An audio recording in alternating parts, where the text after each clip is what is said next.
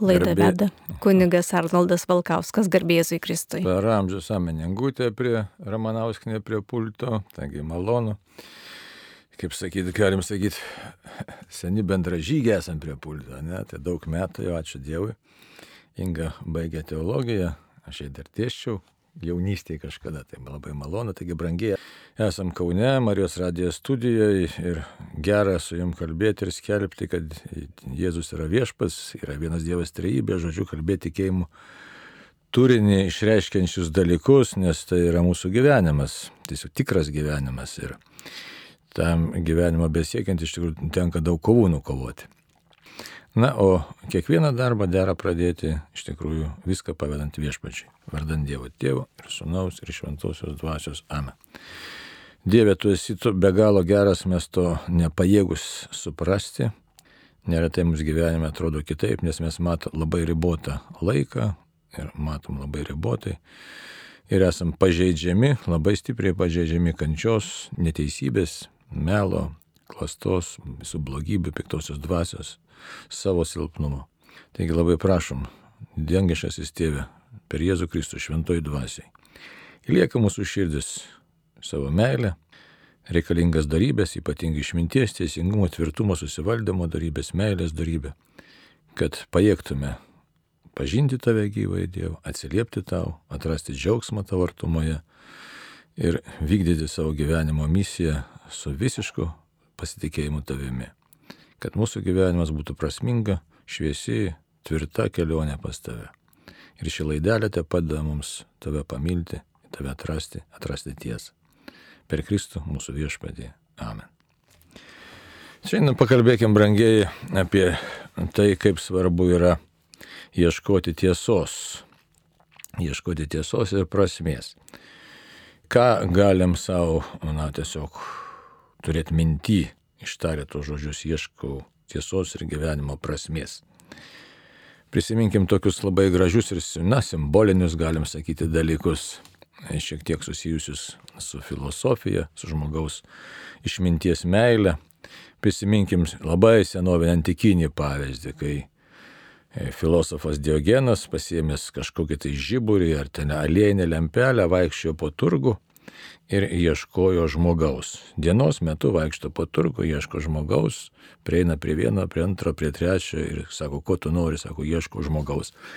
Kaip pasako antikos ten tie raštai, tai liktai, kad vos į kailis negavo už tokius savo ieškojimus, bet jo mintis kokia buvo, kad kas yra žmogus žmoguje, ką aš matau. Matau veidą, matau na, raukšlės gali matyti, ar ten grožį, ar negrožį, ar ten emocijas išreiškiamas žmogaus veido kažkokia mimika išreiškia, bet tai kas už to slypi.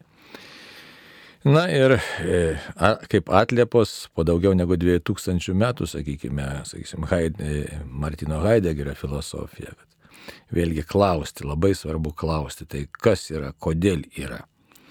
Tai čia žmogaus prigimties toks giluminis troškimas sužinoti.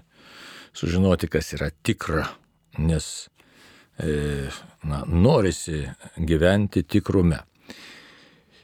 Įdomus šis dalykas - gyventi arba negyventi tikrume, iš tikrųjų, jeigu tai paėmus. Dabar e, taip atrodo, kad norisi gyventi tikrume. Jeigu pasižiūrėtume dar e, pasaulietiškų tų mokslo kontekste, bet labai įdomu, e, psichoterapeutas, psichologas ar psichiatras Erichas Fromas, jis toks humanistinės skripties. Ir ką jis parašo? Parašo knygą Bėgimas nuo laisvės, ne? kad žmogus nori vis dėlto pasirodo pabėgti nuo laisvės. Tik žiūrėkit, kiek pas mumise slypi viens kitam prieštraujančių dalykų. E, iš vienos pusės noriu žinoti, suprasti, patirti, atskleisti slėpinį, paslapti, įvaldyti situaciją, kontroliuoti noriu, sukurti ateitį noriu. Ir tuo pačiu pasirodo žmoguje yra ir toks nemenkas, bet stiprokas, netgi net, sakykime, Anot Eriko Fromo labai stiprus troškimas pabėgti nuo žinojimo, pabėgti nuo atsakomybės, pabėgti nuo savo laisvės, kam nors ją atiduoti. Ir žmonijos gyvenime mes matome savo gyvenime, žmonijos gyvenime, kitų šalia esančių žmonių gyvenime, jeigu panalizuosim, mes pamatysim tikrai abiejus tuos veiksnius, kurie puikiausiai funkcionuoja ir funkcionuoja netgi tuose pačiuose asmenyse ir netgi mumyse pačiuose. Kaip tas atrodo konkrečiai? Tai iš vienos pusės mes norim viską kontroliuoti, užsitikrinti, būti laimingi, laimę užtikrinti. Iš kitos pusės, e, kadangi kontrolė, darbas, įtampa reikalauja na, pastovių pastangų ir atsakomybės, o atsakomybė e, tiesiog mus uždeda tokį ir savotišką anspaudą, kad gali ir suklysti, ir nepataikyti. Ir prasmės nerasti ir prasilenkti, tai žmogus ima bėgti savotiškais įvairiais būdais bėgti nuo tos laisvės. Kaip tas bėgimas atrodo, e, tai paviršutiniškai klausantis galėtų žmogus pasakyti, čia, aišku, neiš, neišsiamsim visos tos temos, čia tik pradžia temos, kurią šiandieną noriu pagvildenti, o pagvildenti apie, iš tikrųjų, apie pirmą Dievo įsakymą reikia pakalbėti. Taigi, tai e, žmogus, jisai kaip bėgimas nuo laisvės atrodo, jis tuo pačiu metu noriu viską kontroliuoti, bet tuo pačiu nu, metu noriu, kad viskas tarsi savaime įvyktų, tarsi vyktų be manęs ir bėgimas gali būti labai įvairus. Tai e, užsimiršimo įvairios formos, ten, e, gali būti, sakysime, ir super darbo forma, arba ten alkoholizmo, narkomanijos, lošimų forma, žaidimų įvairiausių forma. Ir vis gilumoj už visų tų savotiškų arba superkontrolės, arba superžinojimo formų, arba bėgimo, to nuo laisvės įvairiausių formų, vis tiek visą laiką slypi žmogaus tas giluminis ieškojimas atsakymų atsakymo ieškojimas, kaip man būti, kad man būtų saugu ir būtų gera. Čia taip labai sutrauktai pasakau, tiesiog galima būtų kiekvieną tą dėmenį kur kas plačiau išskleisti. Ir e, tikrai žmonėje daug parašiusi veikalų, rimtų veikalų, e, šitom šiek tiek tiesiog čia tik prisiliesta prie tų temų, labai rimtų temų. E, bet jeigu taip apibendrinant, galima šitai pasakyti. Mes klausėme, norim sužinoti slėpinį, sužinoti paslapti, jaustis reikalingi, jaustis prasmingai gyvenantis ir tuo pačiu metu mes bijom savo, e, tiesiog bijom gauti atsakymą, bijom e, kažkokio tai to tikro atsakymo, nes reikės kažką daryti. Ir šita tokia istorija visą laiką, tas būsena visą laiką tęsiasi gyvenime ir dabar mes, žiūrėkit, koks įdomus dalykas, atsakymas žmonijos pačios rėmose, jis pasirodo, kad nu, visą laiką netikras ir negalimas. Tai čia dar gali būti viena priežastis ir tikriausiai taip ir yra, kodėl mes nesam patenkinti savo tom atsakomybėm, užsimtam pozicijom, nes žmogus jaučia savo ribotumą. Ir tas jauti, jutimas savo tiesiog silpnumo, galėtume sakyti, dalinės ar bejėgystės. E, na, ribotumo būtų teiksis teisingiau pasakyti, kad jaučiuosi ribotas, kažkiek tai supratimo jėgų turiu. Ir kartais žmogus labai suabsoliutina tas jėgas, ypač, žiūrėkit, tarybiniais laikais, tai buvo štai mes naują žmogų sukursim, pasaulį seną išardysim iš pamatų senų, į kosmosą nuskrysim, ten Dievo nėra, nerado Gagarinas Dievo na, ten upės perkreipsim į kitą pusę ir, ir atrodė, kad žmonija tiesiog jau kažką naujo sukurs. Sukurti nepavyko, liktai žmonija turėjo praregėti. Deja, ne. Deja, ne, toliau žmonija kūrė laimingą ateitį, tik tai gal netokiom atvirai ideologizuotom formom, tačiau atsirado kitos ideologijos, globalizmo, liberalizmo, ar šiaip tokia tiesiog pažangos, galėtume sakyti, neva pažangos forma, kad štai sukursim naują žmogų, kadangi technologijos leidžia kažką tai tokio ypatingo e, iki šiol nepatirto sukurti. Ir vėl žmogus pakliuvo ant tos pačios blizgės ant tos pačios meškerės, iš vienos pusės noriu kontroliuoti, iš kitos pusės noriu kažką sukurti, o iš esmės galutinio atsakymo nerandu. Ir labai sunku pripažinti, kad štai esi ribotas, nelengva, bejėgis ir man reikia santykių su tuo, kuris turi atsakymą. Atsakymą turi Dievas. Tačiau žmogus dėl savo puikybės vėlgi labai įdomus dalykas. Iš savo puikybės mes dažnai nenorime E, pripažinti, kad štai e, Dievas yra virš visko, nes Dievas yra tas, na kaip Karlas Raneris sako, visiškas nesuprantamasis, neįvardinamasis. Ir kyla taip žmogui iš esmės logiškas klausimas, tai kodėl Dievas yra ir kodėl pats Dievas yra, tai kas Dievas sukūrė, kaip jis atsirado ir kas yra toliau, kas už Dievo, ką reiškia iš vis pati būtis ir mes neturime jokio tokio atsakymo. Ir e, tai kitaip tariant, mes galim rasti atsakymą tik tada, kai pažįsti, kad štai aš nieko nežinau, mano pažinimas labai ribotas ir man tenka tiesiog na, nusileisti, susitaikyti su savo e, ribotu žinojimu. E, tačiau matom praktiškai, kad štai gyvenime net ar daugiau, ar mažiau, ar visai neįsilavinę žmonės e, ima ir jisai sako, viskas aišku, viskas čia mes žinome, tai tarybiniais laikais, sovietiniais laikais, e, tai komunistinio pakilimo, galim sakyti, laikais, tai e, buvo tokių tai ištikinčių, kad štai greitai čia mes komunizmą sukursim ir naują gyvenimą ir viskas bus. Į visus klausimus rasim atsakymą.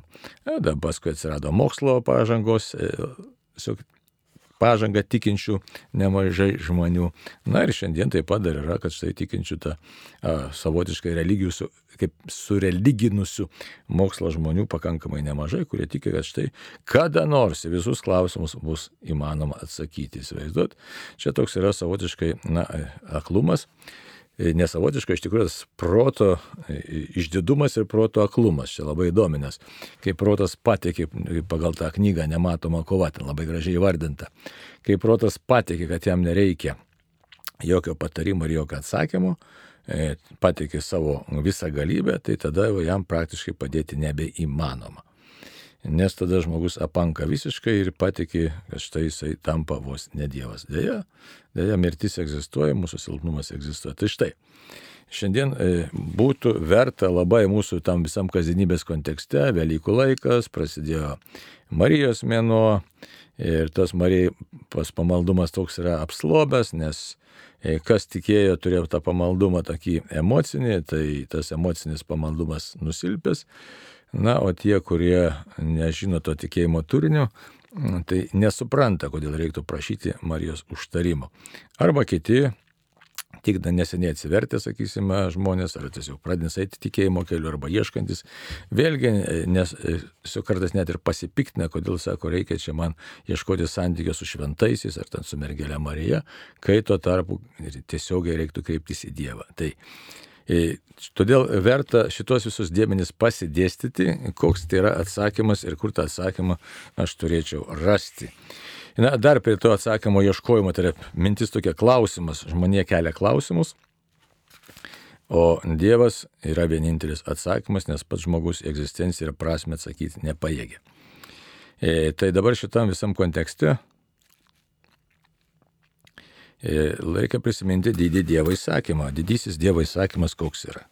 Mylėk viešpatį savo Dievą visą širdimi, visą sielą ir visų protų ir visomis jėgomis, taip sakytume, ir mylėk artimą kaip save patį. Tai e, pasižiūrėkime į katekizmo tekstą.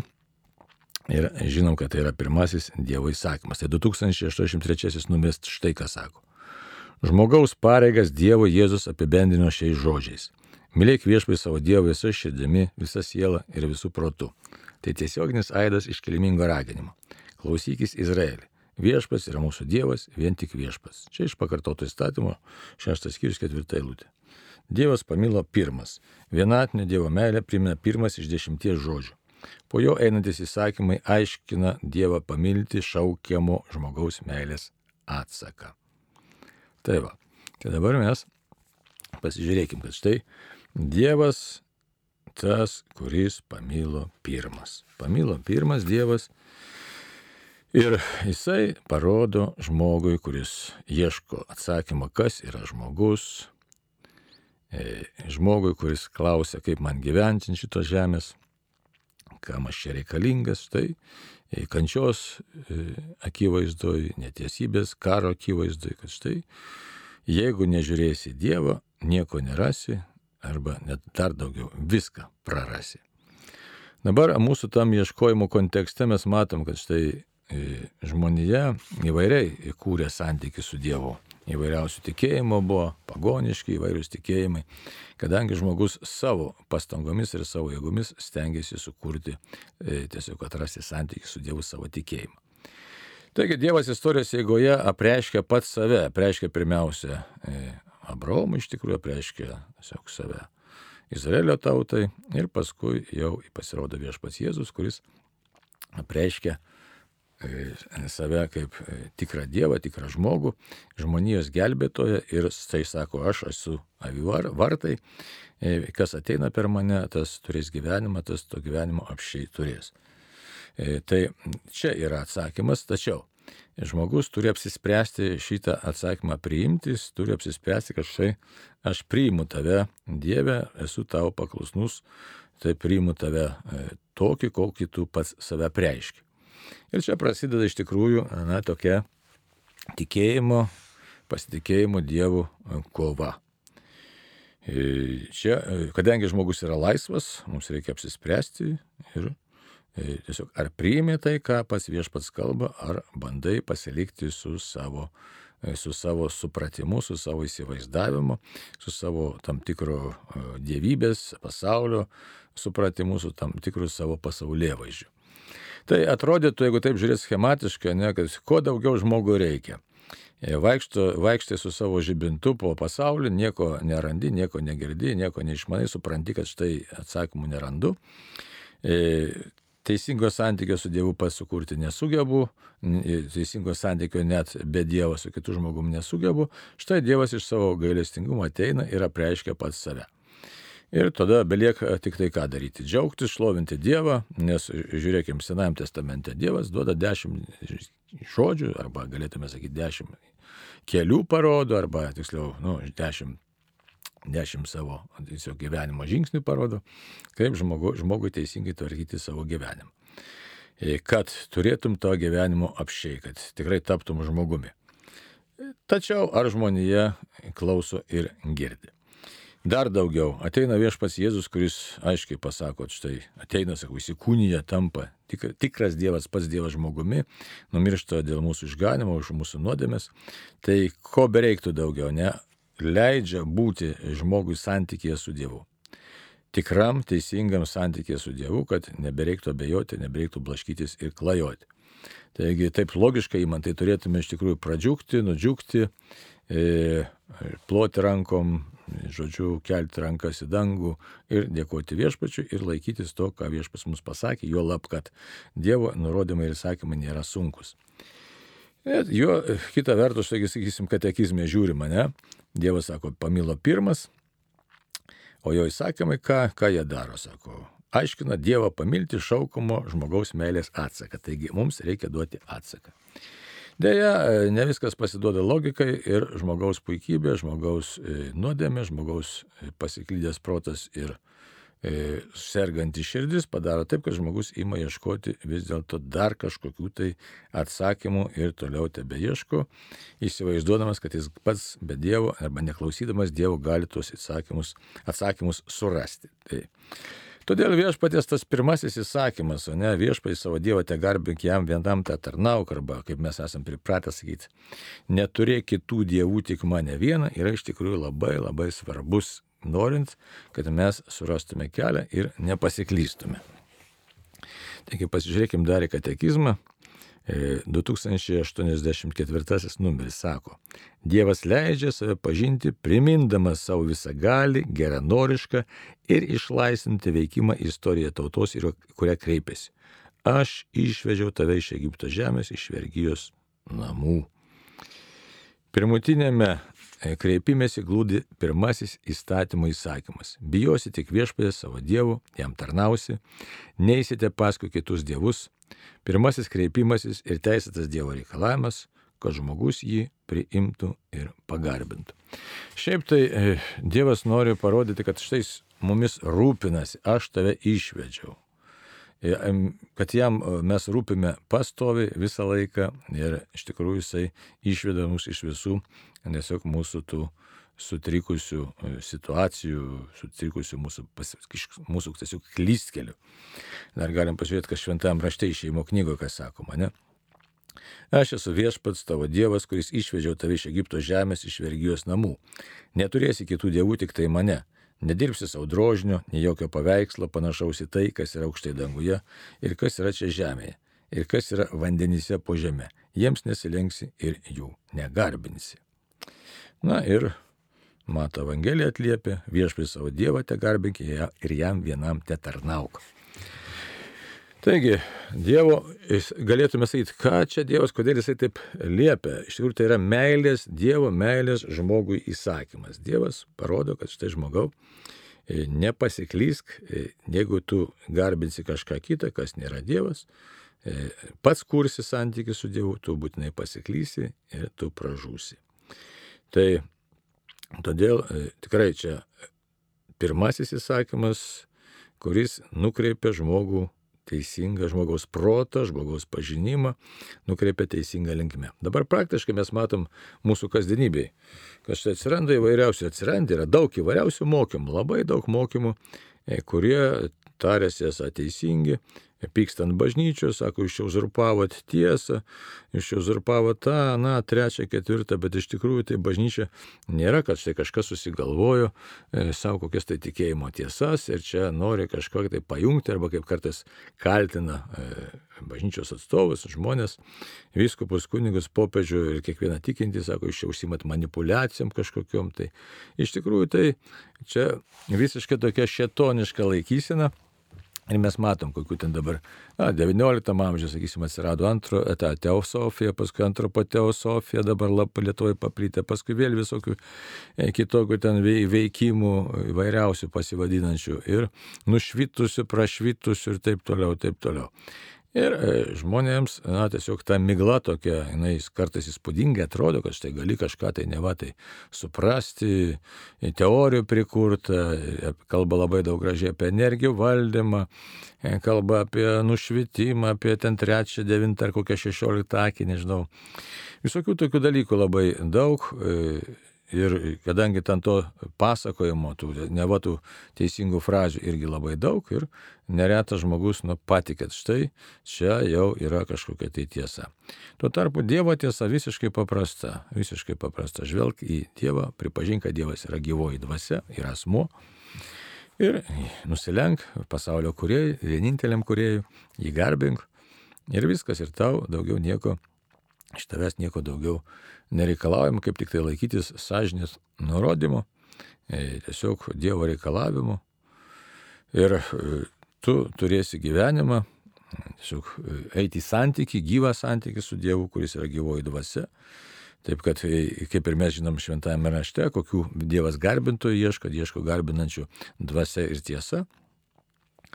Taigi 2085 numeris sako, vienintelis ir tikrasis Dievas savo garbę pirmiausia apreiškia Izraeliui. Apreikšdamas save Dievas apreiškia ir žmogaus pašaukimą, ir tiesą apie žmogų. Žmogus yra pašauktas rodyti Dievą savo veikseną, priderančią pagal Dievo paveikslą ir panašumą sukurtam kūriniui. Niekada nebus kito Dievo trifonai ir niekada nėra buvę nuo amžių, kaip tik tas, kuris sukūrė sutvarkė visatą. Mes nemanome, kad mūsų Dievas yra kitoks negu jūsų. Jis yra tas pats, kuris galingai pakeltą ranką išvedė jūsų tėvus iš Egipto.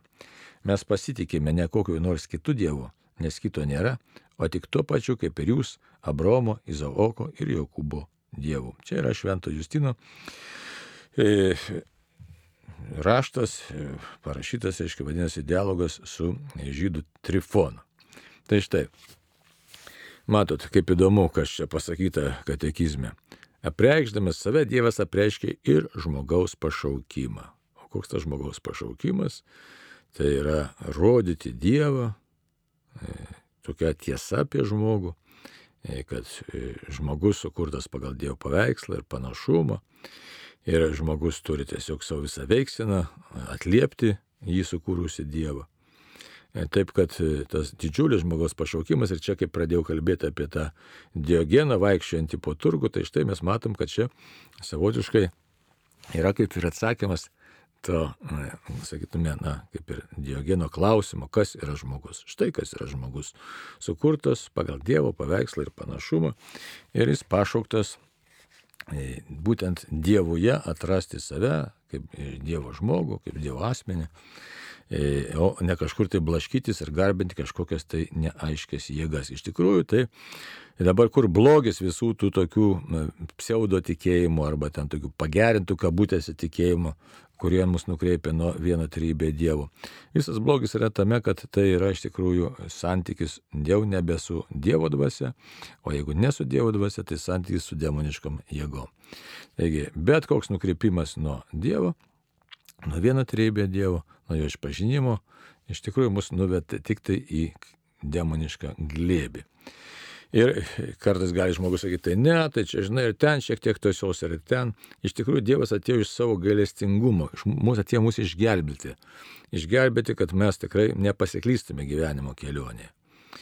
Iš gailėšių, iš meilės atėjo. Ir ne šiaip savo, tai įsivaizduoju, Dievas įžengia į kūrinių situaciją, į kūrinių buvimą, tam, kad dovanotų save gyvą į Dievą. Ir kūrinį dovanoja. Tai todėl tas turi būti įvertintas pakankamai aiškiai.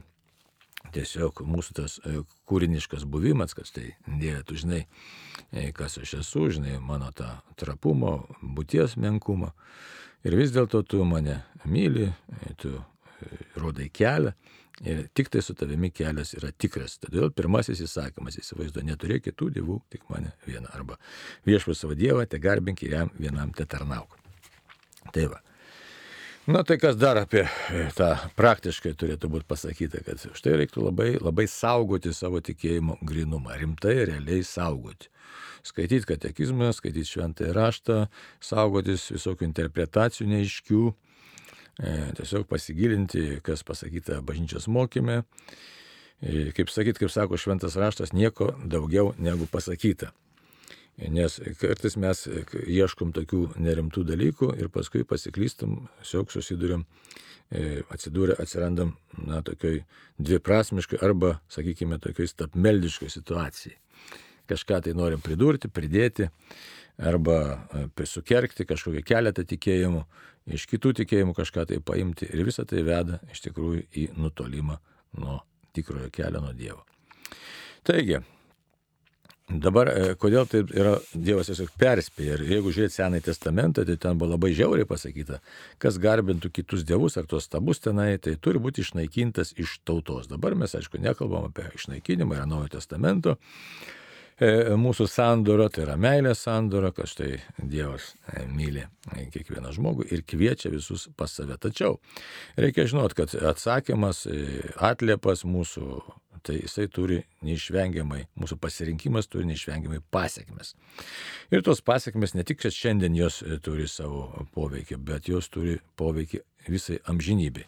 Arba eini su Dievu, arba ne. Todėl Jėzui buvo ir labai skaudu, jeigu žiūrėt e, į Jėzaus santykis, sakysim, su fariziejais, ten su to metu rašto aiškintojais, kaip Jėzus elgėsi. Jisai sako, net nuliūdo dėl jų netikėjimo arba dėl jų, nuliūdo dėl jų širdies kietumo. Tai va. Taip, kad tas mūsų proto ir širdies kietumas, arba taip reiktų sakyti, e, proto išdidumas gali padaryti ir neretai padaro taip, kad štai mes save atskiriam nuo Dievo, o jeigu atskiriam nuo Dievo, tai mes iš tikrųjų atskiriam save nuo gyvenimo šaltinio. Tai štai, kai atsiranda visokiausia ten judėjimai religiniai, pseudo religiniai, nesvarbu, kaip mes pavadinsim, bet mes žinom įvairiausių dalykų. E, taip, kad, kaip šventame rašte parašyta, sako, nesekite paskui netikrus pranašus, sako, paskutiniais laikais labai daug atsiras netikrų pranašų. Ir jie e, suvedžio, sako, netgi galbūt kai kuriuos ir teisiuosius ar šventuosius. Tai va. Taigi dabar pasižiūrėkime e, į 2000. 86 numerį, šitaip jis kalba. Pirmasis yra tikėjimo, vilties ir meilės įsakymas. Juk sakydami, kad Dievas yra pastovus, nekintamas, visada toks pat, ištikimas, pagristai išpažįstami esant visiškai teisų. Čia labai svarbu, ne? Visiškai teisus Dievas, kuris parodo, kas yra žmogus ir kas yra Dievas. Todėl, pritardami jo žodžiams, privalome tvirtai jo tikėti ir visiškai pasitikėti. Kas mano, jog Dievas yra visagalis, švelnus ir pasirengęs veikiai daryti gerą, ar galėtų jį nedėti savo vilčių? Ar galėtų kas jo nemylėti, apmastydamas jo gerumų ir meilės turtus, kuriais yra mūsų apipylęs? Todėl savo įsakymus ir paliepimus šventajame rašte Dievas pradeda arba baigia šiais žodžiais. Aš esu viešpas. Tai štai, viešpas yra viešpas, viešpas begalybės Dievas. Ir, e, na, Vėlgi reikia žinot, kad kai mūsų ima vidus noras kažkoks tai prieštarauti, kažkaip ginčyti su viešpačiu, tai mes turim žinot, kad štai mumise veikia tuo metu nuodėmės įstatymas ir tas, kuris stovi už nuodėmės. Taip inga rodo, kad sulaukiam žinutės. Klausytojas turbūt rašo, jeigu santokoje žmona atsisako turėti daugiau nei vieną vaiką, nenori, nes nori dirbti ir pagyventi dėl savęs, pabūti daugiau su draugėmis, ką man kaip vyrui daryti, jei noriu daugiau vaikų, ar tokia santuoka galioja. Manai, santoka galioja sudarimo momentu, tai santokos buvo teisė sudarimo momentu, jeigu buvo teisingai nusiteikusi, tai santoka yra galiojanti, kad dabar ėmė klaidingai mąstyti, jau čia yra kitas dalykas. Tai, tai nerdo pačios santokos, nes visi galioja ar negalioja, viskas priklauso nuo to, kaip buvo jinai sudaryta, teisingai ar neteisingai, koks ten buvo tuo metu kokia situacija, koks nusistatymas. Tai, o jeigu paskui jau jinai pradėjo mąstyti kitaip, ar ten kažkas įtaką jai padarė, tai jau reikia su ja tada šnekėti, na, diskutuoti, aiškintis, melstis, galima kreiptis pas specialistus, žodžiu, e, šeimos specialistus, šeimos patarėjus, pas kleboną, pas viskupą, e, žodžiu, pas dvasios tėvą pirmiausia, reikia susirasti dvasios tėvą ne, ir tiesiog šnekėti Nes ką reiškia pagyventi dėl savęs, taip toliau čia daug nesuprastų dalykų yra, e, kurie tiesiog nu, irgi nukreipia neteisingą linkmę. Bet čia dar kitas dalykas turėtų būti, reiškia, taip galima na,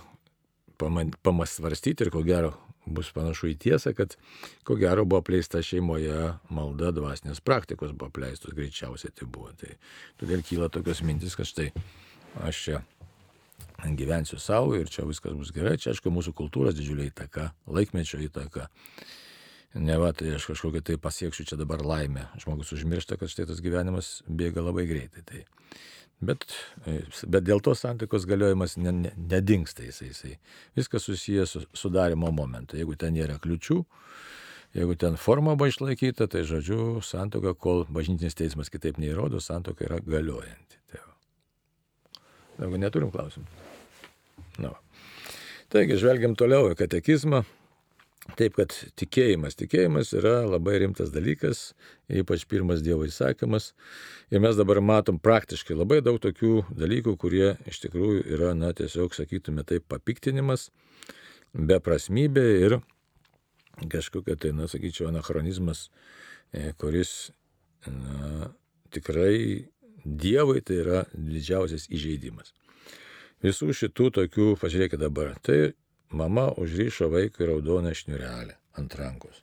Paklausė, ar jaun, jaunuolis jaunuolį, dėl ko tu tą padarai. Tai sako, tai nuo nužiūrėjimo, arba kad sektųsi. Tai e, kūriniu, čia yra visiškas tapmeldystė, kūriniu suteikiama kažkokia tai neva tai gale. Aiškiai, kad mane šaus tai šniurelis gali apsaugoti. Ir iš esmės tai yra religinė forma, tai yra stapmeldystės religinė forma. Visokio amuletų ten nešiojimas, turėjimas ir panašus dalykai. E, tai va. Toliau, kas ten tokio gali būti. Nu, dabar daug visokiausių ten. Parsiveža ten iš Egipto ar ne iš Egipto, ar šiaip kokiu nors užkalbėtų visokiausių naudojimas ten vėlgi daiktų, talismanų ir panašių, panašus dalykai. Kiti sako, aš to netikiu, bet vis tiek pasikabina ir nešioja. Jeigu netiki ir tau tai nereikalinga, tu niekada to nedarysi. Tai, taip, bet, bet kokiu atveju, mažiau ar daugiau samoningai tie dalykai atliekami, jie iš tikrųjų yra Dievo pažeminimas, Dievo įžeidimas ir Dievo paniekinimas. Ir iš, ir iš tikrųjų tai yra sunki nuodėmė, tai yra tikrai stapmelystės nuodėmė. Kai žmogus nesusimasto ir kas tai sako, o man nesiseka gyvenimą, manęs Dievas nelaimina, kažkas mane prakeikia, tai pirmiausia reiktų pačiam paklausti savęs, ar aš netitolau nuo Dievo, ar aš pats savęs savo elgesiu, savo pasirinkimais, savo laikysiną, ar aš pats savęs neprakeikiau tam tikrą prasme, kad štai renkuosi stapmeldišką tam tikrą kelią renkuosi kažkokią tai stabmeldišką laikysiną. Ir labai įdomu, kad suorganizuoja visokias konferencijas, sakysime, visokiausias tokias, Luciferis kažkas iš tikrųjų konferencijas, filosofai ten kartais dalyvauja, kas jau kalba apie žmogų, pritraukia net šventų rašto citatų įvairiausių iš šventų rašto ir tada žmogus, nu kaip atrodo, kokios klausytojai, kokios protingos mintis gali būti, ne, kas tai kažkas ten operuoja šventų rašto citatom, kalba apie žmonijos gėrį, panašius dalykus. Tai. tai galima čia tų tokių, tokių visokių krypčių ir judėjimų ne vieną išvardinti.